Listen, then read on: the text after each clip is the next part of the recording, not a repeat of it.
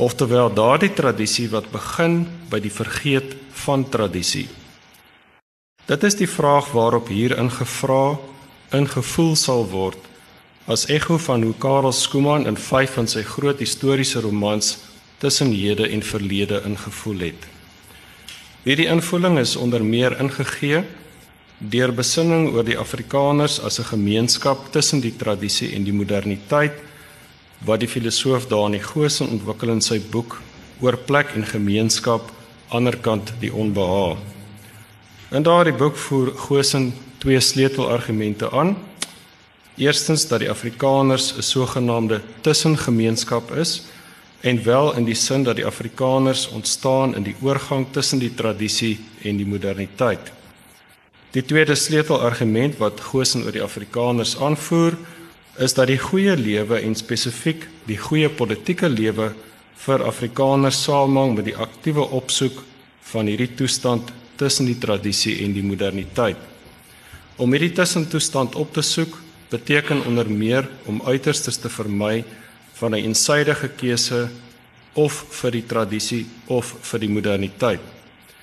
Om 'n toestand tussen die tradisie en die moderniteit op te soek beteken om voortdurend balans te soek tussen tradisionele en moderne beskouings van dinge soos kennis, tyd, ruimte, gemeenskap en individu die werklikheid, die natuur, die politiek, vryheid, die transcendente en die regte lewenshouding. Op gevaar van vereenvoudiging af, maar ter wille van helderheid, gaan ek die verskille tussen hierdie twee wêreldbeskouings net baie vinnig opsom. Vir die tradisionele wêreld kom kennis uit sowel openbaring as rede. Vir die moderniteit kom dit uit die wetenskaplike rede. Vir die tradisie is tyd 'n betekenisvolle liturgiese siklus. Vir die moderniteit is die tyd 'n neutrale aaneenlopende lyn van gebeure.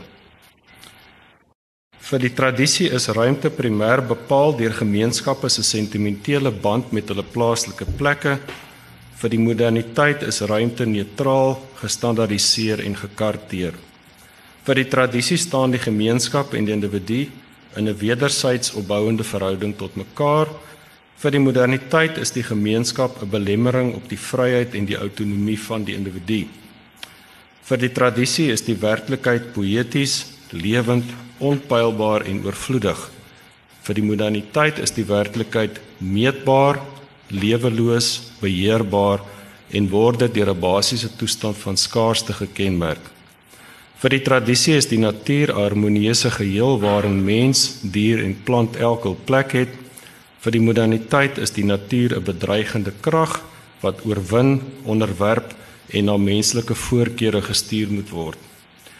Vir die tradisie is die politiek die terrein waarop die goeie eksplisiet nagejaag word. Vir die moderniteit is die verkrywing, verkryging en handhawing van mag die einddoel. Vir die tradisie is vryheid wanneer wat ek moet doen en wat ek wil, my plig en my begeerte saamval. Vir die moderniteit is dit om sover moontlik te kies wat ek wil. Vir die tradisie is die transcendente die voorwaarde en die verlangde einddoel van die immanente. Vir die moderniteit is die transcendente bloot 'n projeksie van die immanente.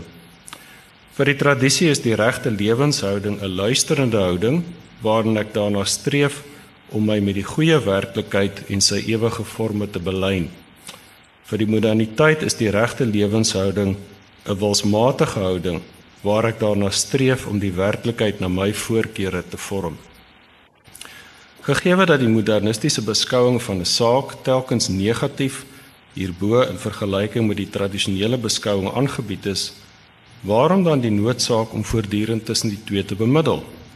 Een antwoord op die vraag is dat die moderniteit die wêreld so diep gestempel het dat wie die wysheid van die tradisie opsoek, dit nie kan doen sonder om ook met die moderniteit rekening te hou nie. Wie byvoorbeeld die goeie in die politiek nastreef, kan dit nie verwesenlik sonder om ook rekening te hou met die magte wat op 'n gegeewe tyd op die politiek inwerk nie. Of wie streef daarna om sigself met die goeie werklikheid te belyn, kan dit nie doen sonder om rekening te hou met hoe die werklikheid ook wilsmatig gevorm is nie. Hierby moet dit ook gesê word dat die uitgangspunt van die lesingreeks is dat die stem van die tradisie as dit wat die toets van die tyd deurstaan het altyd as rigtinggewend geag word met die onmiddellike kwalifikasie dat die moderniteit as daardie tradisie wat begin met die ontkenning van tradisie dat die moderniteit die tradisionele wêreld ontwrig en vernuweer het sodat 'n hedendaagse toegang tot die tradisie nie 'n eenvoudige onbemiddelde toegang kan wees nie, maar 'n bemiddelde, moeisame toegang waarin om altyd weer die stilte op te soek en te luister na die amper onhoorbare, dog onweerstaanbare stem van die tradisie, die weg na die toekoms via die verlede vanuit die hede bepaal. Jy moet jou natuurlike voortvarendheid in toom probeer hou en leer om te luister, skryf Skuman in verkenning. Jy moet agslaan op die stemme en wat hulle jou vertel. Die stemme is altyd betroubaar. Luister. 'n Laaste woord oor die redes vir die keuse van die 5 romans waarop hier ingegaan word en die volgorde waarin dit gedoen word. Die 5 romans en die volgorde waarin hulle behandel word is Verkenning van 1996, Hierdie lewe van 1993, 'n ander land van 1984 Verliesfontein van 1996 en die uur van die engel van 1995. Waarom die vyf romans en waarom die volgorde? Omdat hulle 'n unieke historiese blik op die 19de en in mindere mate 20ste eeuse Afrikaners tussen tradisie en moderniteit bied. Op hoe hierdie twee ordes op die Afrikaners inwerk en hoe Afrikaners tussen die twee ordes bemiddel of nie. Die uitgangspunt van die lesingreeks is dat die Afrikaners se historiese ontwikkeling een is vanaf die tradisie na die moderniteit toe. 'n Ontwikkeling wat uitloop op die katastrofe van apartheid as 'n een eensidedige keuse vir die moderniteit en wat Afrikaners vandag opnuut voor die uitdaging stel om die toestand tussen die tradisie en die moderniteit op te soek. Die lesingreeks vertrek ook vanuit die uitgangspunt dat die tyd nie 'n lyn van verwesenlikte en agtergelate moontlikhede is nie, maar minstens ook 'n argief van keuses en moontlikhede wat nog verwesenlik kan word. Keuses en moontlikhede wat in die tradisie geberg word, wat ondanks alles behoue gebly het, maar wat vra om deur invoeling versigtig aan die lig gebring te word. Luister dan, tree ondersoekend nader en laat ons die vergete landskap oopdek. Oomblik na oomblik groei die proses van verkenning aan. Alhoewel die uiteindelike sin daarvan eers sal blyk wanneer die eindpunt bereik is en dit moontlik is om terug te blik op die voltooide reis in sy geheel. Aldus die skrywer stem wat in verkenning kommentaar lewer op die reis van die naamlose hoofkarakter die binneland in in die jaar 1804. Die hoofkarakter sal op laas sterf En dit is die leser van verkenning wat uiteindelik in die posisie sal wees om terug te kyk op die voltooide reis en na die uiteindelike sin daarvan te vra.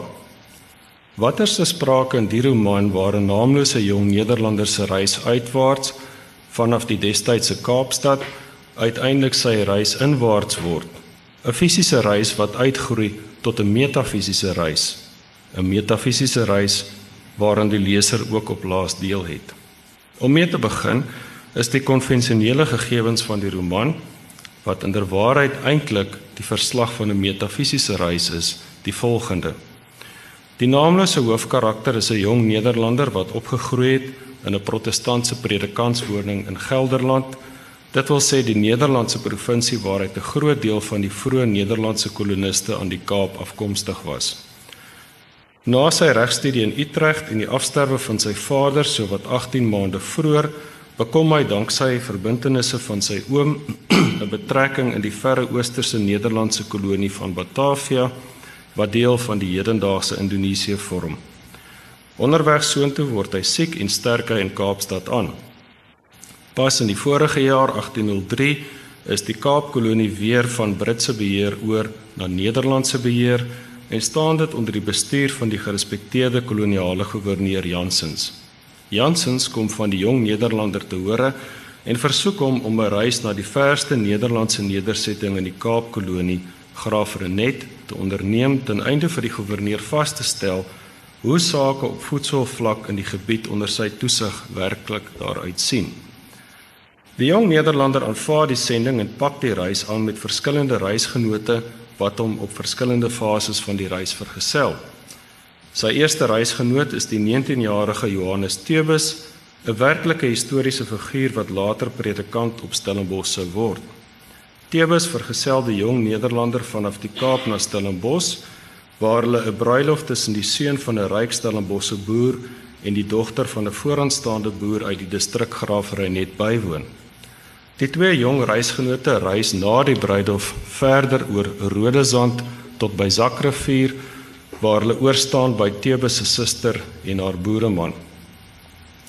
Daarvandaan reis die jong Nederlander voort saam met die vooraanstaande boer van Graafrenet Hans Langenbrink en sy vrou Kato. 'n En diskant Graaf Renet sluit 'n geheimsinnige Europeër van onsekere herkoms Paap om by die geselskap aan. In die gehuggie Graaf Renet neem hulle van die Langenbrinks afskeid en dan is Paap die jong Nederlander se reisgenoot op 'n tog verder die binneland in waar die jong man dan sterf weens die gifpyl van 'n boesman.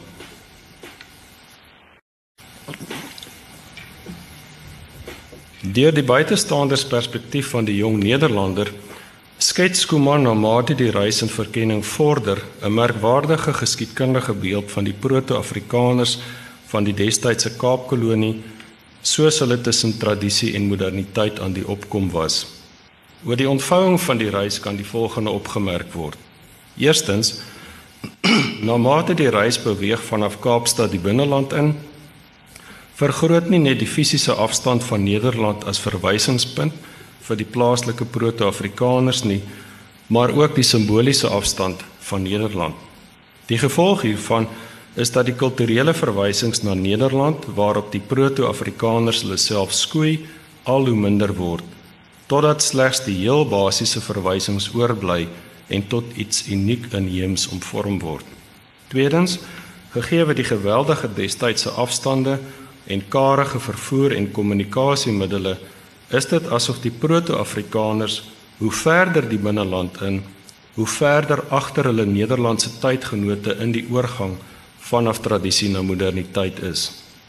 So dien die lewe in die diep binneland as 'n eksistensiële laboratorium van uiterste toestande waarin sommige mense se verlange na die transcendente versterk word en ander weer flankeer met 'n uitsiglose blote bestaan sonder iets meer.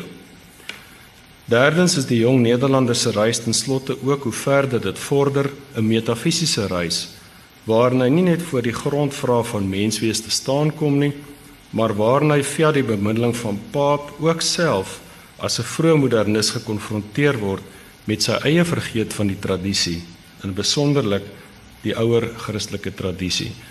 Nou terwyl van tyd gaan ek nie by al die stasies op die reis stil staan nie. Ehm um, maar ons begin by Kaapstad. Soos hy boorgestel is, funksioneer Kaapstad in verkenning as die naaste aan die Europese sentrum, dog steeds op 'n groot afstand daarvan, wat dit ook ten opsigte van Europa verder terug in die tyd plaas. Uit die oogpunt van die vraag na tradisie en moderniteit is Kaapstad dus die modernste van die stasies in verkenning. Doch geensins daarmee ontdaan van alle elemente van die tradisie nie. 'n Ander implikasie van Kaapstad se betrekkelike nabyheid, betrekkelike vergelyking met ander plekke in die roman, nabyheid aan Nederland, is dat Kaapstad dan ook die stasie is waar die verskynsel van wat 'n mens die analoë koloniale moderniteit kan noem, die sterkste is. Daarmee word bedoel die poging in die sentrum van die kolonie, Kaapstad, om sigself te skoei op die voorbeeld van die koloniale modern moederland in die geval Nederland. Ons is modern na analoog van die land waaruit ons stam. So byvoorbeeld beland die hoofkarakter dikwels in situasies, vele daarvan nogal komies, waar die plaaslike proto-afrikaners wat hulle self as deel van die Nederlandse kultuur sien, baie hard probeer om die Nederlandse besoeker met hulle Nederlandse mannerismes te beïndruk, welke mannerismes meesal nie baie oortuigend en eg is nie, maar eerder dien om hom dieper onder die indruk van die ander syd van hierdie land te bring. Forme van maatskaplike hiërargie en sosiale bemiddeling het natuurlik ook by die proto-Afrikaners voorgekom, soos die beskrywings van die stasies van Kaapstad en Stellenbosch in verkenning deeglik demonstreer.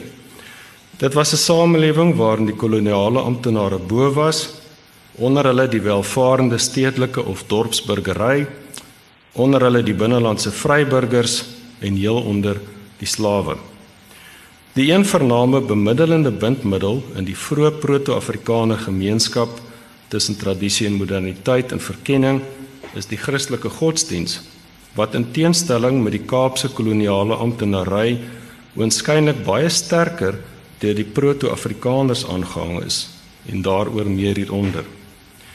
Die drie argetipes van proto-Afrikaners soos hulle in Kaapstad aan die leser bekend gestel word, is die analoë koloniale modernis, die hoë burger en die binnelandse vryburger. Die drie argetipes word onderskeidelik verteenwoordig deur die jong Johannes Tebus, analoë koloniale modernis, die hoë burger, die weduwee Deleres en die binnelandse vryburger Langenbrink. Die weduwee Deleres vorm deel van die opkomende Kaapse burgerstand van die proto-Afrikaners vir wie vrome godsdiens, eiendom en familiebetrekkinge belangrik is. In 'n mate verskil iemand soos die weduwee waarskynlik nie soveel van haar Nederlandse eweknie in die stamland nie, buiten miskien wat die graad van vroomheid betref. In die geval van die jong Johannes Tebus is die verskil met sy portuur soos die, die Nederlandse hoofkarakter verteenwoordig aanmerklik.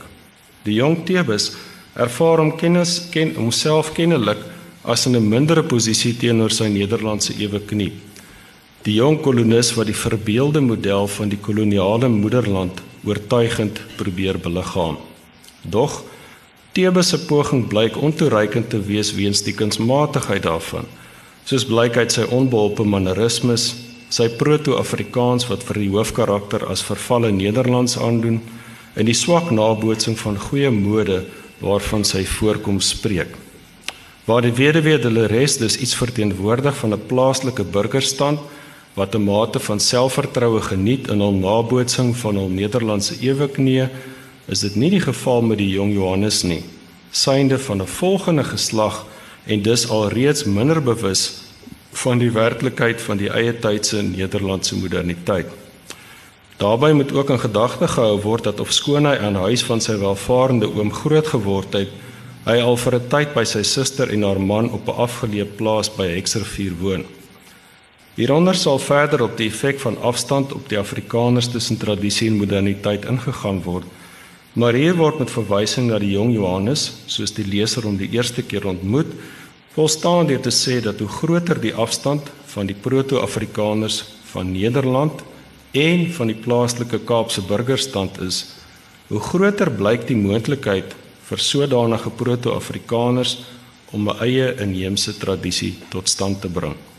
So 'n tradisie vertoon wat betref deugde, dinge soos matigheid, dapperheid, geduld, nederigheid, soberheid, geregtigheid, 'n sin vir die gemeenskap en 'n sin vir die transcendente sterk ooreenkomste met die klassieke Griekse en Christelike tradisies.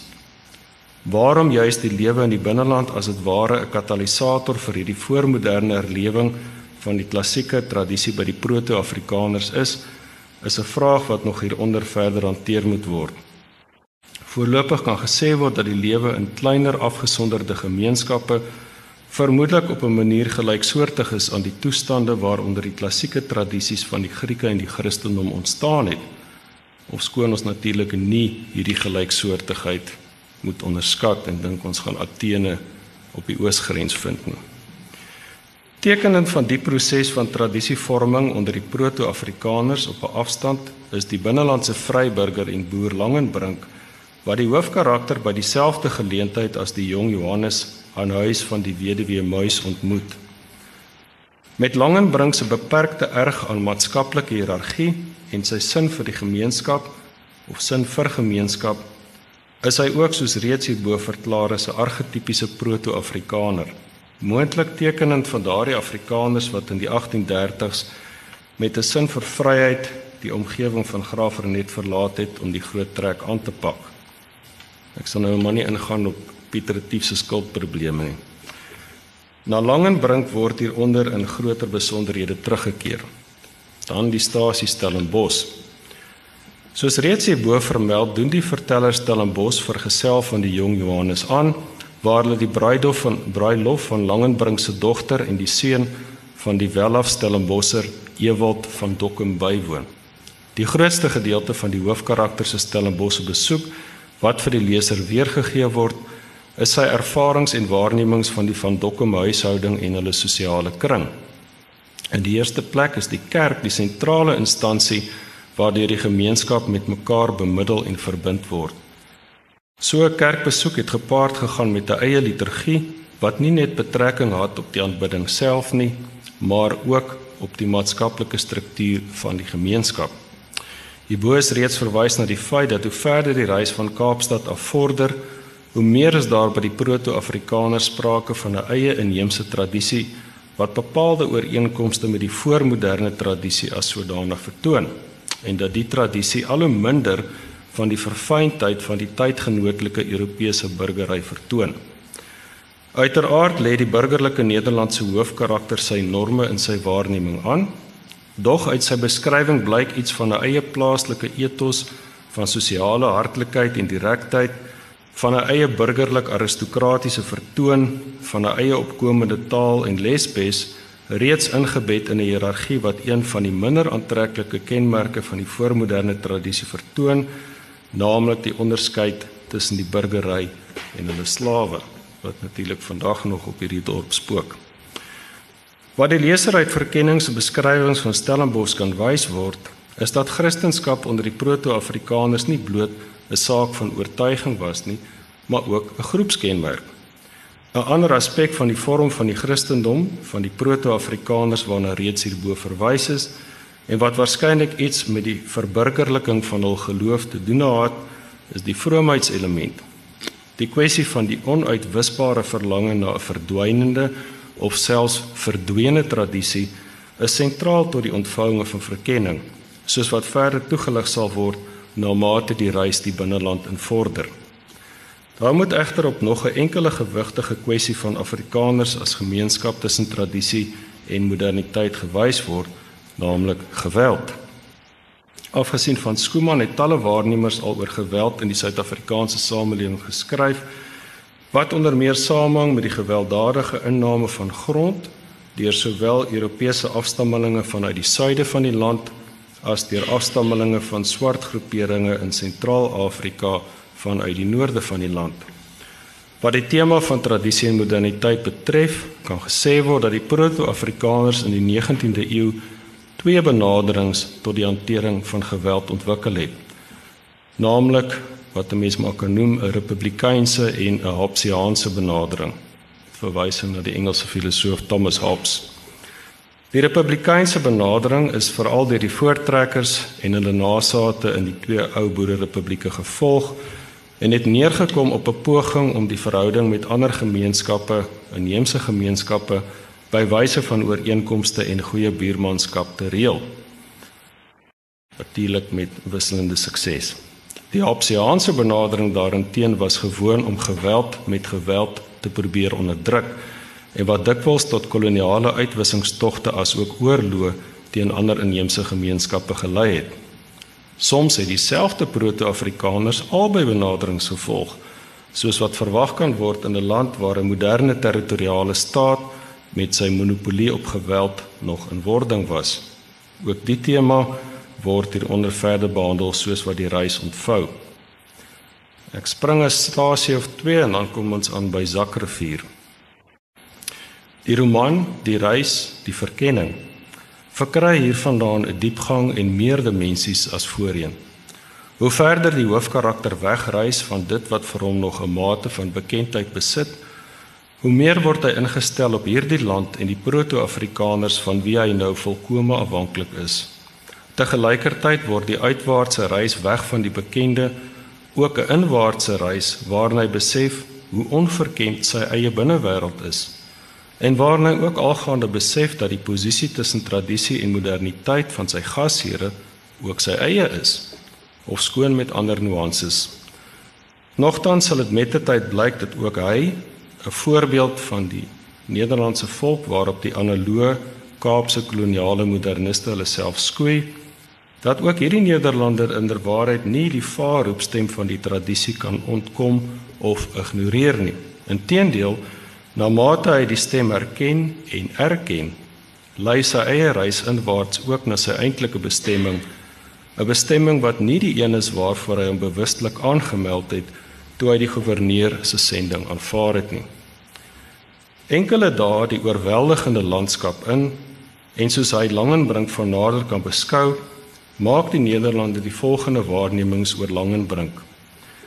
Langenbrink as argetipiese proto-Afrikaner en 'n soort landelike aristokraat leef met 'n bepaalde sin vir orde, met deugde soos hartlikheid, selfstandigheid, individualiteit, 'n sin vir plaaslike plek en 'n soort trefsekere handelingsgerigtheid.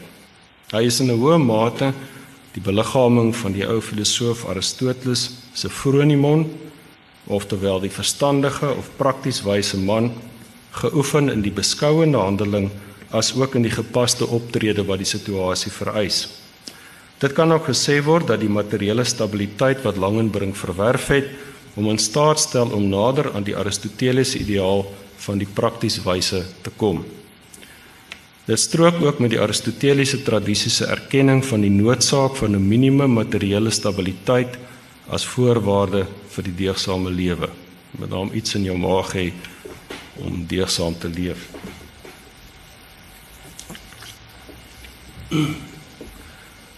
Langenbrink leef in wat die Franse filosoof Regis Debray die logosfeer noem. Dit wil sê 'n samelewing waar oordrag primêr mondeling plaasvind, waar plaaslike plek baie belangrik is en waar die moderne staat as die locus van die sosio-politieke nog ontbreek. So sê nou maar die stadstaate as jy wil van die Grieke. Die Bybel is daarom verlange bring nie so seer 'n gedrukte boek nie as die gesproke woord van God in sy respekvolle hande. In die tydgenootlike modernistiese Europese sin sou gesê kon word uit 'n Europese oogpunt Langenbrink is anti of selfs a-intellektueel. In die antieke Griekse sin is hy egter die versinne beelding van praktiese wysheid.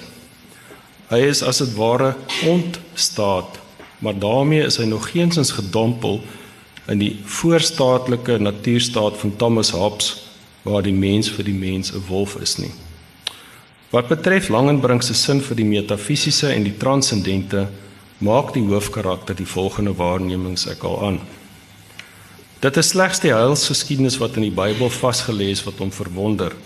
Versonke in mymerende betragting van Jehovah se omgang met sy konings, priesters en profete. En op die Sondag, hoe groot sy haas en ongeduld ook mag wees, word die reis onderbreek terwyl ons by die naaste gerieflike fontein vir 'n dag van doelloosheid en verveling oorstaan omrede die Israeliete eens optrekkend deur die woestyn aangesê is om die Sabbat te heilig en die volk op die sewende dag gerus het.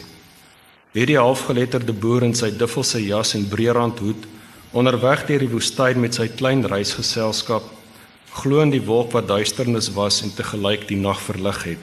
Die manne aan die kwartels nie as simboliese of allegoriese beelde wat dien om 'n historiese gegewe te verlig nie, maar as lewende werklikhede. So wesenlik soos die bokke waarop hy jag maak op die veld. Die verdeling van die Rooi See is vir hom meer sinvol en onmiddellik as die blokkade van die Europese hawens, 'n tasbare muur op regter en op linkerhand.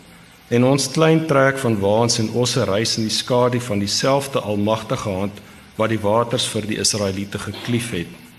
Elke verre blou berg in hierdie landskap, eensaam teen die horison, sou Sinai, Horeb of Nebo kan wees. En soos ons van tyd tot tyd 'n groepie versukkelde bastaards in die verlatenheid teekom met hul skaaptroppe en hul waans, sou engele en godsgesande ons ewe goed met hul bonatuurlike opdragte tegemoet kan reis, stralend van die heerlikheid op hul pad deur die bossies en die verdorde gras.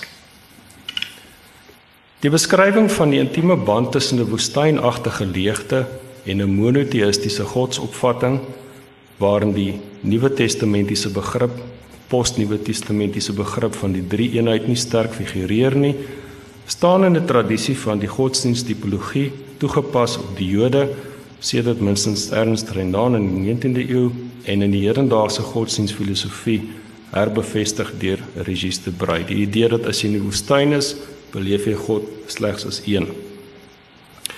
Met die pas aangehaalde beskrywing van Langenbrink word die bekende identifikasie van die proto-Afrikaners en hulle nasionalistiese nageslagte met Ou Testamentiese motiewe soos 'n goddelike bestemming en 'n uitverkorenheid aangedui, weliswaar nog hier ondaan van die nasionalisme waarin dit in die 20ste eeu so 'n giftige sanksionering van apartheid sou bied. Ofskoon daar by Langenbrink dus 'n modernistiese protestantisme vaardig is, is dit nie ondaan van 'n liturgiese bewussyn wat normaalweg sterker by die klassieke Christelike tradisie aangetref word. Langenbrink het 'n liturgiese mistiese bewussyn van die sikliese werklikheid tesame met sy praktiese nugterheid. Dit is hierdie geloof wat hom in staat stel om te doen wat hy doen, wat hom rig en oriënteer en begeester. Mevrou Kato Langenbrink as argetipe van die laddelik aristokratiese proto-afrikaner vroue is ook eers in haar element in die diep binneland, ver weg van die sentra van analoë koloniale moderniteit soos Kaapstad of Stellenbosch. Prakties, onopgesmuk en sterk. Dit word byvoorbeeld bevestig wanneer die belangrike en geheimsinnige karakter Paap deur die hoofkarakter verseker word dat die besluit of Paap met hulle geselskap mag saamreis, nie van Langenbrink nie, maar van sy vrou sal afhang. Einde ten laaste bereik die trekgeselskap dan die sendingstasie Zakrivier. Hier ontmoet hulle die ongeleerde eertydse skaapwagter en nou sendeling Botma wat in die stadium al vir 2 jaar lank die stasie aan die gang moet hou in die afwesigheid van die sendelinge Kigerer en Skols van wie daar nog geen of taal of tyding was sedert hulle in Nederland toe is om vir die sending geld te gaan insamel nie. Botma leef ook met 'n tradisionele sin van 'n gegeewe einddoel. Hier in die vorm van die kalvinistiese uitverkiesingsleer wat Botma in staat stel om die deugde van nederigheid en sorgsaamheid en gemeenskap te kultiveer. Dit is bykans 'n soort woestynaskese wat natuurlik later in die laaste kwart van die 20ste eeu onder die Afrikaners sou verword tot 'n bron van die stedelike welvaartsteologie wat so ver van die landelike soberheid van 'n botma is as wat kan kom. So gou doenlik word Zakrivier agtergelaat deur die trekgeselskap want Langenbrink haas hom na sy plaas waarvan hy reeds maande gelede weg is vir die Stellenbosse bruilof. Op die laaste skof van die reis na die hoofkarakter se nominele uitbestemming Graaf Renet begin die kontoure van sy eintlike reis, sy metafisiese reis inwaarts en as dit ware terugwaarts na die vergete tradisie op laas vir hom duidelik word. Dit bring ons by Graaf Renet. Met die vertrek uit Zakrivier word dit met eens vir die leser duidelik gemaak dat die feitelike afstand of afskeid van die moderne wêreld nou 'n gegewe is. Vir praktiese doeleindes voer die reis dus nou deur die landskap waar die ontluikende Afrikaner ethos tussen tradisie en moderniteit op sy duidelikste is.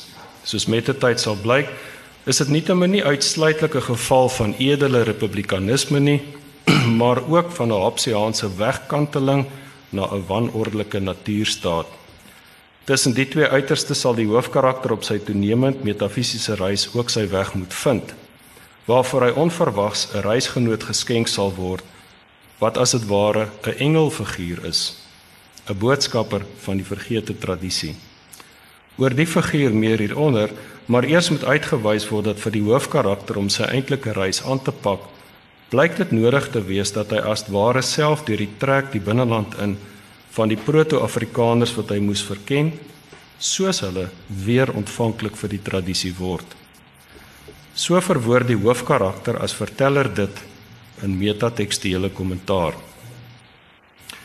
Asof hulle oor die rand van die wêreld beweeg, trek die waans met hul wit kappe en die klein groepie berede mans wat die geselskap uitmaak dieper in die onbekende oor die see van dorre gras en bossies en golwende skadupatrone 'n eie doel tegemoet wat slegs proefondervindelik vasgestel kan word Indien daar ooit wel 'n moontlikheid bestaan het om te bestem of te bepaal, bestaan dit nie meer nie. Jy kyk, jy luister, jy teken op, jy doen verslag en kan hoogstens kommentaar lewer op wat jy waarneem. Die gang van sake was nooit werklik in jou hande nie, maar nou is die laaste skyn van beheer prysgegee en jy moet jou beperkings aanvaar, jou wesenlike hulpeloosheid toegee. Die wapens beweeg, die waans beweeg verder. Wat hier beskryf word is hoe die hoofkarakter ontdaan word van die moderne skyn van 'n wilsmatige self en beheer van sy selfgemaakte lot en tot die dieper tradisionele besef begin kom dat daar ook vir hom 'n gegeewe einddoel bestaan. Welke doel eers kan duidelik word na mate hy 'n luisterende ontvanklike houding begin kultiveer ten einde homself met die groter geheel te belyn.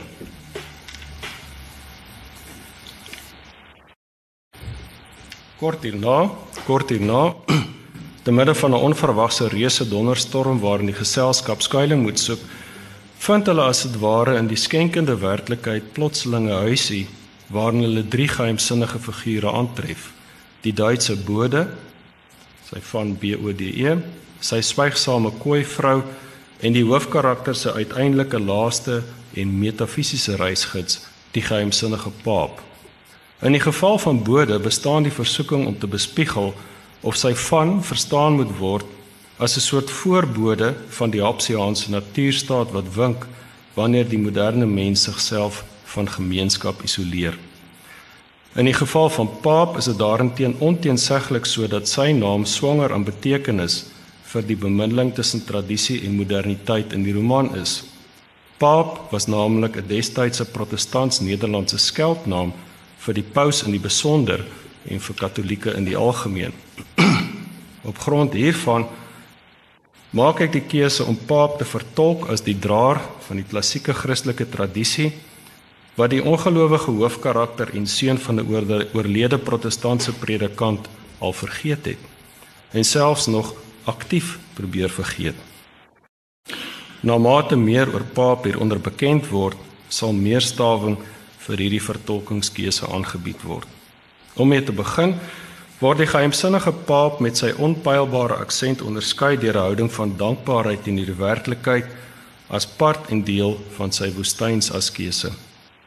Vroeg die oggend van die dag na die reuse storm breek Paap letterlik sy stukkie brood in twee en deel dit met die hoofkarakter waarop hy sê ons bevind ons in Afrika nie waar nie en pas ons noodgedwonge aan. Dankbaar vir die veld wat ons van brandhout voorsien en die fontein wat ons ons karige porsie water nie weier nie.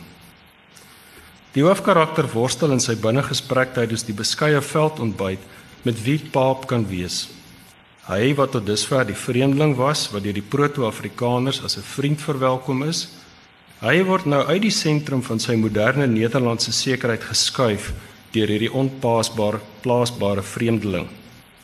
Soos die proto-afrikaners tot dusver oor hom moes wonder, so word hy hiervandaan die wonderende een in die aangesig van die onplaasbare vreemdeling.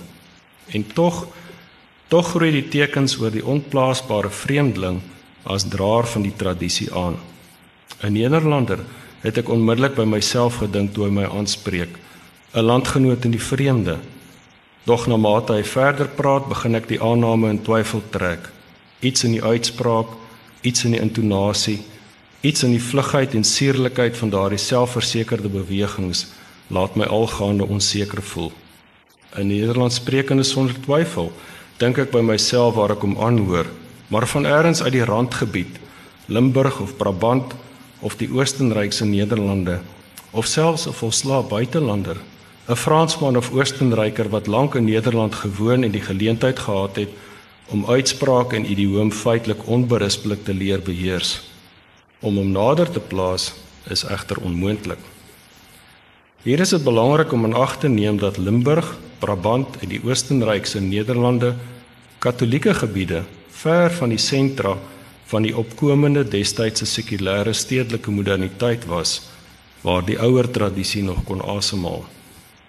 Verder verwys Paap ook na sy ontbyt as 'n intaculum, die Romeinse naam vir die eerste ete van die dag met dagbreek gewoonlik 'n stukkie brood. Dan word aan die leser vertel dat Paap sy stukkie ontbytbrood met hom deel en voor die ete 'n oomblik stil word, asof hy bid, dink ek by myself. Dit is duidelik dat Paap sy ete met 'n ander en ouer liturgiese bewussyn benader as wat die hoofkarakter tot dusver op sy verkenning teëgekom het. Op die laaste skof na Graf Renet hou Paap sy afstand van die hoofkarakter en bly hy 'n dubbelsinnige vreemdeling. Maar wanneer hulle Graf Renet bereik en die hoofkarakter van die Langenbrings afskeid neem, word Paap se status as die hoofkarakter se uiteindelike haas bestemde reisgenoot duidelik. Dan eers besef ek dat my reisgenoot ook van die wa afgespring en afskeid geneem het en dat hy langs my staan in sy verslete swart baadjie, sy bondel in sy hand, asof ons by mekaar hoort en voortaan op mekaar aangewese is. Ek het aangekom. Ons het aangekom. Tussen die twee vreemdelinge begin 'n nuwe gemeenskap aangroei, waarvan die wortels lê in die bykans gewyde woestynete van gebreekte brood wat hulle gedeel het. By die herberg waar die hoofkarakter en die behoeftige paap wat nou op die hoofkarakter se goeie guns aangewese is, 'n kamer gaan deel, kom die hoofkarakter tot die groeiende besef van die eintlike metafisiese betekenis van sy reis. En dit is dus waar dit my gebring het, oor skaars gebaande weë, deur halfvol en leë riviere, deur die klowe van die bergreekse, teen steiltes en kraanse uit en oor die verlatenheid van die platoos na hierdie rommelige versameling grasdakhuisies en die armoedige herberg met sy misvloere waar 'n Vlaamse boer hande in die sakke en kleipipe in die mond toe kyk hoe 'n slaaf staan en vee. Sy mis nie eers afval om my te groet nie. Ternouer nood belangstelling vir die ontvangs van moontlike gaste bymekaar kan skraap en slegs onwillig 'n enkele kamer in my afstaan om met my ongevraagde metgesel te deel twee ledekante met ontoereikende bedgordyne in die hoeke gestoot, 'n lendelampstoel, 'n gekraakte spieeltjie en 'n venster sonder ruitte wat met 'n binneluik afgesluit moet word. Dit maak egter nie saak nie. Ek het aangekom. Ek is hier en die sin van my koms sal uiteindelik ook duidelik word. Paap se begeleiding van die hoofkarakter blyk aanstonds nie net 'n begeleiding na die vergete voormoderne tradisie te wees nie, maar eweneens en gelykstaande daaraan 'n reis na die hart van Afrika as plek van die tradisie. In Afrika is dit nodig om eers alles te vergeet wat mense in Europa aangeleer het, merk hy op. Maar dis asof hy met homself praat en die opmerking die slotsom van sy persoonlike oorpeinsings of ervarings verwoord. In Afrika moet jy alles wat jy uit Europa saamgebring het, verloor. Om af te lê, om te laat los, om leeg te maak sodat die skenkende werklikheid jou kan vul. Dit is wat die asketiese paap hom hier aanraai. 'n Raad wat duidelik uit eerstehandse ervaring voortspruit. Dit is hierdie lewenshouding wat die mens oopstel vir die transcendente en hom na die ervaring van heerlikheid begelei. So lees Paap dan uit die groot gedig die Messias van die destydse gevierde Duitse digter Klopstock by lamplig in die eetkamer van die herberg vir die hoofkarakter voor. Sing unsterbliche Seele, der sündigen Menschen Erlösung, die den Messias auf Erde in seiner Menschheit vollendet. Sing unsterbliche Siel, die sondige mense verlossing wat die Messias op aarde deur sy mensheid volbring het.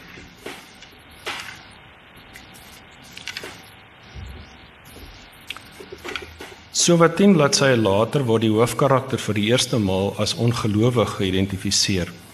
En wanneer hy by die sendeling van der Kemp aandoen, betuig hy die geestelike donker waarin sy reis hom nou gedompel het. Hier, sê ek dan, en probeer my verwarde gedagtes orden. Dit is eers sedert my aankoms hier dat ek aan die sin van my onderneming begin twyfel het en my afvra wat nou verder moet gebeur. Of skoon van der Kemp 'n protestant is, is daar ook by hom spore van die tradisie aanwesig.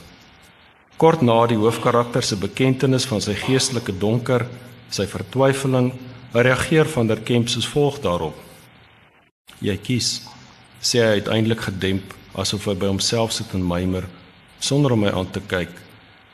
"Mes kies op besluit hiernatoe of daarnatoe volgens jou eie insigte, soos dit vir jou in jou blindheid en domheid en verwaandheid reg of goed of voordelig lyk.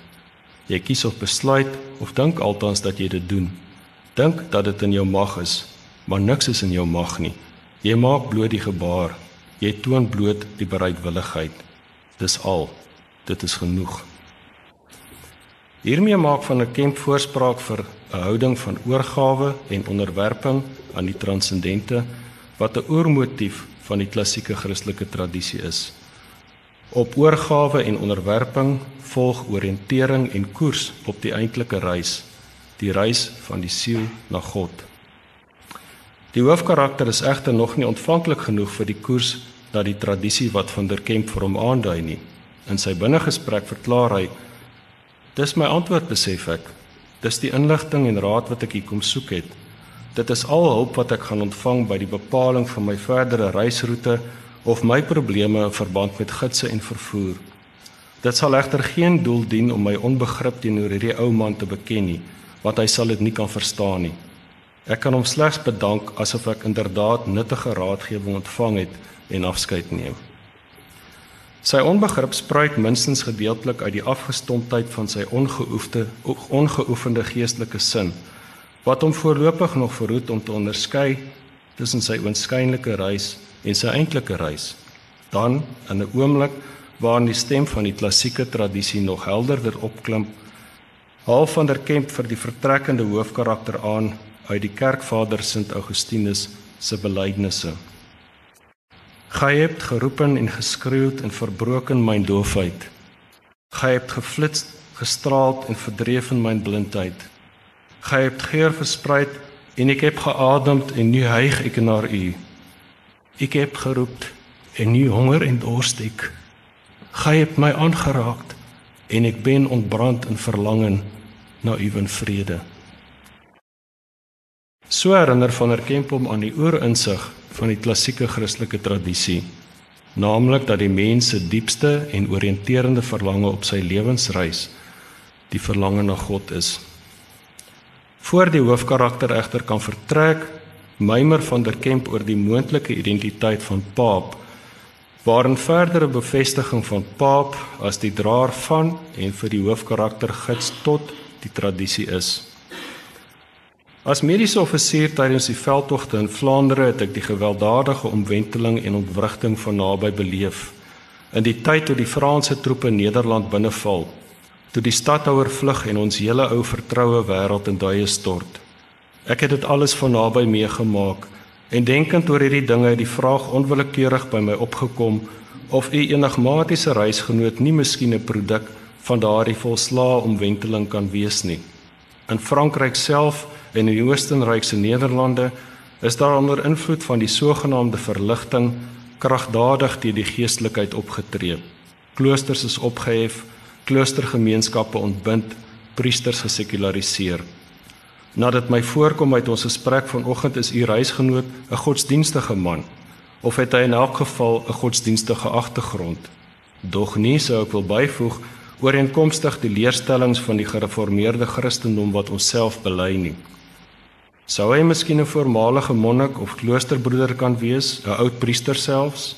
Sou die naam Paap trouens nie iets meer kan wees as bloot 'n alias soos u vermoed nie? 'n Speel met woorde miskien, 'n beskrywing eerder dan 'n benoeming? Nietemin bly die hoofkarakter steeds ongeïnteresseerd in van der Kemp se teorieë oor my toevallige metgesel. Tog, soos 'n skaduwee bly die tekens van die tradisie om agtervolg Want kort hierna in die enigstens goddelose tapkamer van die graaf Renet se herberg voel die waard om genope om te verklaar dat Paap van Antwerpen kom wat natuurlik ook destyds 'n katolieke stad was. Dan kort daarna in 'n aangrypende toneel waar die hemelse en die aardse mekaar ontmoet ten aanskoue van die oorblufte hoofkarakter lees Paap nogmaals vir hom uit Klopstok. Hy lees Vlot en met aanvoeling soos die vorige aand draai die gedig voor. Die duinende versreëls met hul verhaal van skepping, sondeval en genade hier in die tapkamer van die dorpskroeg waar die gestaltes van engele deur die donker kom en gaan. En net die glans van hul vlees of verwaarde vir 'n oomblik tog oplig in die roerlose skynsel van ons kers. Dit is die einde van my reis. Die kamer by kerslig waar die engele swygend deur die donker beweeg en boere onder mekaar skreeu en krakeel en weer tot bedaring kom. Hield euch dann des richtende Arm nicht, ihr würdet ihn anschauen. Dieses Krosses Todes vergehen, denn ihr seid ähnlich. Moenie julle van die gloeiende arm weerhou nie. Julle gaan in die aanskyn van hierdie groot dood vergaan, want julle is sterflik. Op die punt ontstaan daar groter intimiteit en vertroue tussen Paap en die hoofkarakter, wat verklaar in die kerslig sien ek dat sy blik nie meer waaksaam, pylend of ondersoekend is nie. Ook die vanselfsprekende manier waarop hy my betrag, dui op 'n verandering in ons onderlinge verhouding. Hiervandaan, nog voor hy en Paap die laaste skof van die uiterlike reis aanpak, sal Paap as sy engelagtige reisgids optree, beginnende by die metafisiese reis inwaarts en terug na die vergete tradisie. Kennis word volgens Paap opgedoen deur die intensiteit waarmee dit belewe word en deur die ontvanklikheid van die gemoed wat dit ervaar wat 'n tradisionele ontvanklike houding teenoor die skenkende werklikheid uitdruk. Paap sit sy begeleiding van die hoofkarakter voort deur die innerlike metafisiese reis nog sterker te beklemtoon in reaksie op wat die hoofkarakter oor sy lewensreis tot dusver sê. Streng beskou het ek dus nog niks bereik nie sê ek. Ek het my studies nie afgehandel nie. Ek het my reis na Batavia nie voltooi en my nuwe verantwoordelikhede aanvaar nie. Ek het nooit elders aangekom nie. Of mens iets bereik of nie hang daarvan af wat jou doel is, sê hy uiteindelik. U is nie in Utrecht en nie in Batavia nie. Dit moet mens inderdaad toegee. Maar hy is nogtans onomstootlik hier. Miskien is dit die doel. Miskien het hy tog wel aangekom sonder om self nog van die feit bewus te wees. In dieselfde gesprek blyk dit dat die hoofkarakter se universiteitsvriend die enigste mens is met wie hy werklik ooit intiem was en dat sy selfmoord deur die verteller as verraad beleef is. Het dit die hoofkarakter van sy een wesenlike ervaring van gemeenskap gestroop en hom oënskynlik doelloos aan die swerf laat gaan, dog in wese soekend na 'n hoër waarheid wat proefondervindelik verken moet word? Dit wil lyk na 'n geldige vertolking, want pas hierna word die leser in aangrypende metatekstuele kommentaar in beskrywing van die hoofkarakter met hom in sy verlange verenig. Bo die waskom hang daar 'n klein omraamde spieël, dog 'n bars loop skuins oor die glas en die onderste helfte het uit die omluisting uitgeval. As jy hom onhoorbaar oor die ongelyk vloer sou probeer nader, sou dit miskien moontlik wees om oor sy skouer in die skemerdonker in die hoek van die kamer en daardie fragment spieelglas sy gesig of 'n deel van sy gesig uit te maak. Tog Alhoewel dit vroeër belangrik gelyk het, het sodanige ondersoek enige sin wat dit ooit besit het, lankal reeds verloor. Dit is beter om nie eers die poging aan te wend nie, om niks meer te onderneem nie en liewer net te wag en waar te neem, dankbaar vir wat jou gegee word. En as jy moes opstaan, as jy moes nader, geruisloos deur die donker oor die ongelyk vloer, watter gesig sou jy sien in daardie fragment van die spieël? miskien selfs jou eie. Dankbaar vir wat jou gegee word. Ego die skaars hoorbare stem van die tradisie tot vandag, tot vanaand hier en nou. Pas hierna blyk dit dat die hoofkarakter se uitwaartse en inwaartse reis nog nie afgehandel is nie, want hy besluit om Paap te vergesel op sy tog na 'n plaas nog verder die binneland in waar Paap moontlik werk as onderwyser kan kry. So kom die hoofkarakter tot 'n besluit. Lank stap ek doelloos deur die veld waar daar geen teken van pad of spoor meer is nie, met slegs die leegheid voor my, tot die son skielik oor die rand van die berge voor my uitreis, verblindend in my oë, en ek besef dat dit tyd is om om te draai en terug te keer en die reis voort te sit. daarmee lei hierdie reis na die eindbestemming, na 'n naamlose plek aanderkant die benoemde plekke. En dit bring ons dan by die laaste afdeling van die roman getiteld op die limite. Die limite waarna die titel van die slotafdeling verwys, is gewis nie net die limite van die destydse Europese vestiging in Suid-Afrika nie, maar ook die grense van menswees waarop gestuit word in die siel se verlange na die transcendente. Oor hierdie grense sê Paap aan die hoofkarakter: Ons is hier op die grens in 'n gebied van uiterstes. Ons het die onderwerp reeds aangeroer, nie waar nie? Dit is my lewe, dit is my lot. Ek is bereid om my daaraan te onderwerp, meer nog om dit te aanvaar. Maar u, vir u is dit nog altyd moontlik om 'n ander keuse te maak, om om te draai in 'n ander rigting in te slaan. Dit is nog nie te laat nie. Paap verwoord hiermee die klassieke lotsaanvaarding van die tradisie waarvoor vryheid is dat plig en begeerte saamval. Wanneer dit wat jy wil doen en dit wat jy moet doen, jou verlange en jou einddoel een is. Die metafisiese aard van die reis word nou in die binnegesprek van die reisiger een waarin die konvensionele grense van menswees getranscendeer en oorstyg word. Die rit het 'n doel op sigself geword en die stilte van die dag, die roerloosheid van die wye landskap, die rustige draf van die perde en die vreedsame gedeelde stilte waarin ons saamry, het tot 'n nuwe werklikheid aangegroei waarin tyd nie meer bestaan en afstand geen geldigheid meer besit nie. Asof ons deur hierdie ruimte sou bly voortry sonder om 'n bestemming te bereik of 'n aankoms te verwag of selfs nog te begeer. In dieselfde binnegesprek besef die hoofkarakter dat Paap se ware persoon in hierdie mistiese omstandighede na vore kom. Hy het van sy skok en ontsteltenis herstel en in die loop van die oggend het die ongebruikelike rustigheid en selfvertroue wat my die vorige dag reeds opgeval het, toegeneem asof dit juis in hierdie ongebaande en onbewoonde geweste was dat sy gawes van watter aard hulle ook al mag wees na behoore kon ontwikkel en hy tot sy reg gekom het.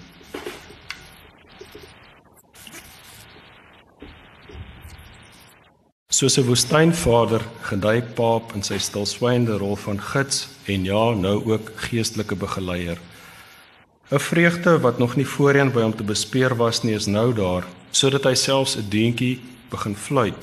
'n Deentjie wat gaan oor die reis na Sertogenbosch, 'n Katolieke bisdom. Hieroor is die hoofkarakter se kommentaar: "Nee, ek vergis my.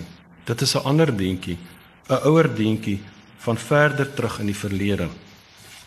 Die verlede hier kan nie meer net as die geskiedkundige verlede verstaan word nie, maar ook as die metafisiese tradisie van die verre verlede waarvan Paap nog 'n draer is. Paap se gedaanteverwisseling en die betekenis daarvan vir die hoofkarakter se metafisiese reis word so in sy binnegesprek beskryf. Gedurende die kort tydjie wat ons in mekaar se geselskap deurgebring het en saam op reis was, het hy algaande 'n gedaanteverwisseling ondergaan. Bruin gebrand het hy nou voor my gestaan met die blos van die hitte op sy gesig. Verlig deur die gloed van die middagson wat van die kaal grond opslaan waar hy onder die bome in die skadu op my wag. 'n halwe glimlag op die lippe, dog nie meer waaksaam of gespanne soos hy aanvanklik was nie.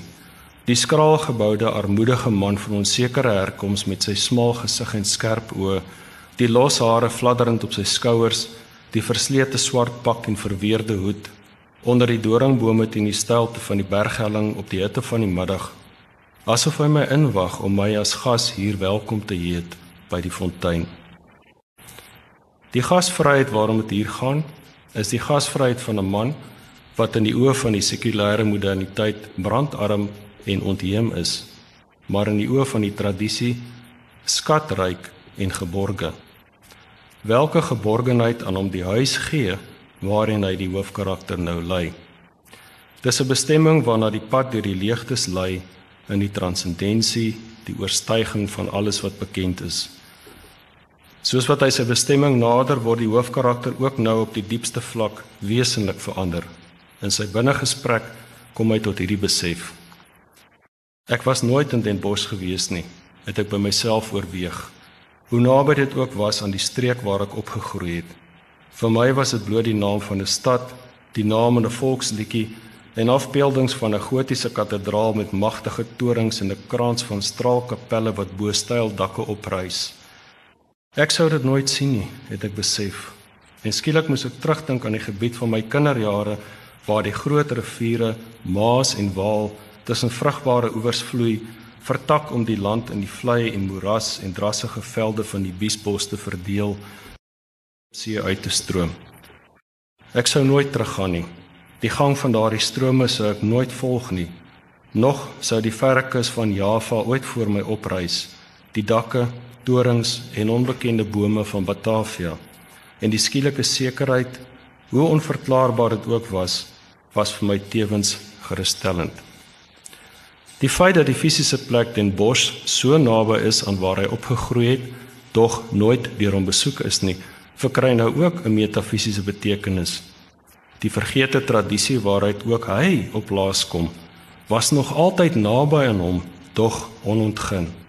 Nou, hier in die leegtes langs sy metafisiese gids, kom hy op daardie onontginde plek aan en ervaar hy 'n mistiese sekerheid en gerusstelling, juis in die onsekerste denkbare fisiese omstandighede gesien uit die blik van die moderniteit. In die eerste van die roman se twee eindbewegings kom die hoofkarakter op laas aan. Anderkant taal in die veelseggendste van alle stiltes. Toe dit koeler word en my metgesel opstaan en aanstaltes maak om weer op te saal en verder te ry, het ek nogtans geen verset gebied nie en sy voorbeeld swygend gevolg. Ons was al gereed om te vertrek en ek het slegs op hom gewag om die teken te gee volgsaam soos ek in alle dinge geword het. Toe hy na my toe kom en my swygend en glimlaggend met uitgestrekte hand 'n blom oorhandig waarop hy skynbaar tussen die klippe afgekom het. 'n Klein helder blom wat ek nie ken nie, met 'n by wat besig was om die nektaar uit te suig en nou versadig en klewerig met stuifmeel oor die blomblare probeer klim maar dit nie kon regkry nie en telkens weer terugval in die kelk. Onbegrypend het ek my metgesel aangekyk en op 'n verduideliking van hierdie onverklaarde gebaar gewag. Dog hy het dit klaarblyklik nie nodig geag om een te verstrek nie. En moontlik het die gebaar ook geen diepere sin besit nie en was dit slegs 'n veldblom waarop hy onverwags afgekom het en wat met sy ongebruikelike helderheid in hierdie vaal landskap sy aandag getrek het. Met die heraldiese blom in my hand het ek daar bly staan en die trae bewegings van die by gade geslaan verras dat die lewe so maklik kon wees, 'n gebaar so eenvoudig dat 'n blom sonder meer oorhandig en aangeneem kon word sonder dat 'n verklaring benodig of selfs verlang word. Vir Skooman om met sodanige ongewone oorbeklemtoning na 'n blom as heraldies te verwys, vra van die leser 'n toegespitste vertolking.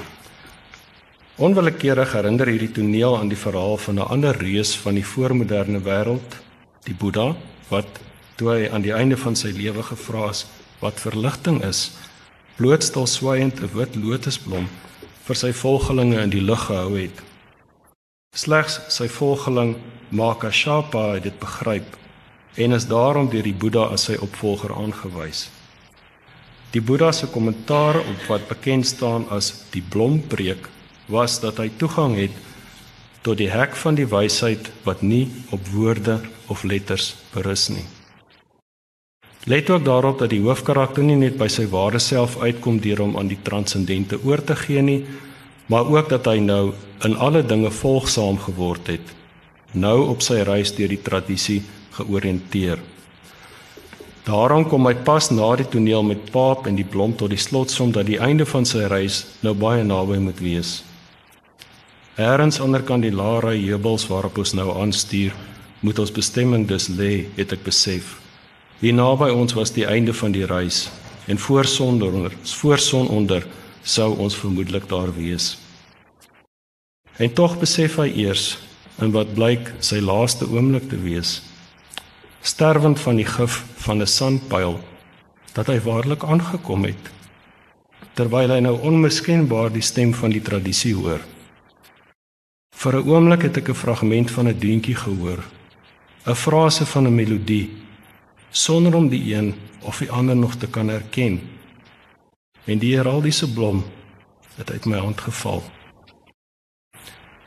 In die tweede eindbeweging van die roman gaan Skuman nog 'n stapie verder om op verbluffende wyse nog 'n stem van 'n tradisie wat in die vergetelheid verdwyn het te laat hoor. In die vorm van die mymeringe van 'n sanvrou wat weens 'n onlangse strooptog deur Hapsiaanse proto-Afrikaners op haar gemeenskap nou 'n dwangarbeider op hulle plaas is. Haar verlies is rou, haar verlange akuut. Verkenning eindig met haar mymeringe as verteenwoordigend van die verlies van die land se oorspronklike inwoners, waardeur sowel die inkommers uit die suide en die noorde van die land uitgemoor is. So klink die roudig wat Skuman in haar swygende mond lê. Dit is dan ook die laaste woorde van die roman. Dog in die nag, wanneer sy wakker lê, het al die dinge wat sy vroeër geken het weer vir haar lewe gekry. En is sy vir 'n oomblik verwar deur die rykdom van haar herinnerings. Verheug het sy al hierdie vertroude dinge dan weer erken en saggies by haarself hul name opgesê. Die krale en pile en kalbasse en rieme, die eentjies en plakkies, die grassoorte, die bossies, die diere en voëls en hul geroep, die vere en penne, die kloutjies en horings en velle, die wind en die sterre en die wolke gestreep met reën. En al die mense wat sy geken en met sy saamgeleef het, het sy dan ook onthou.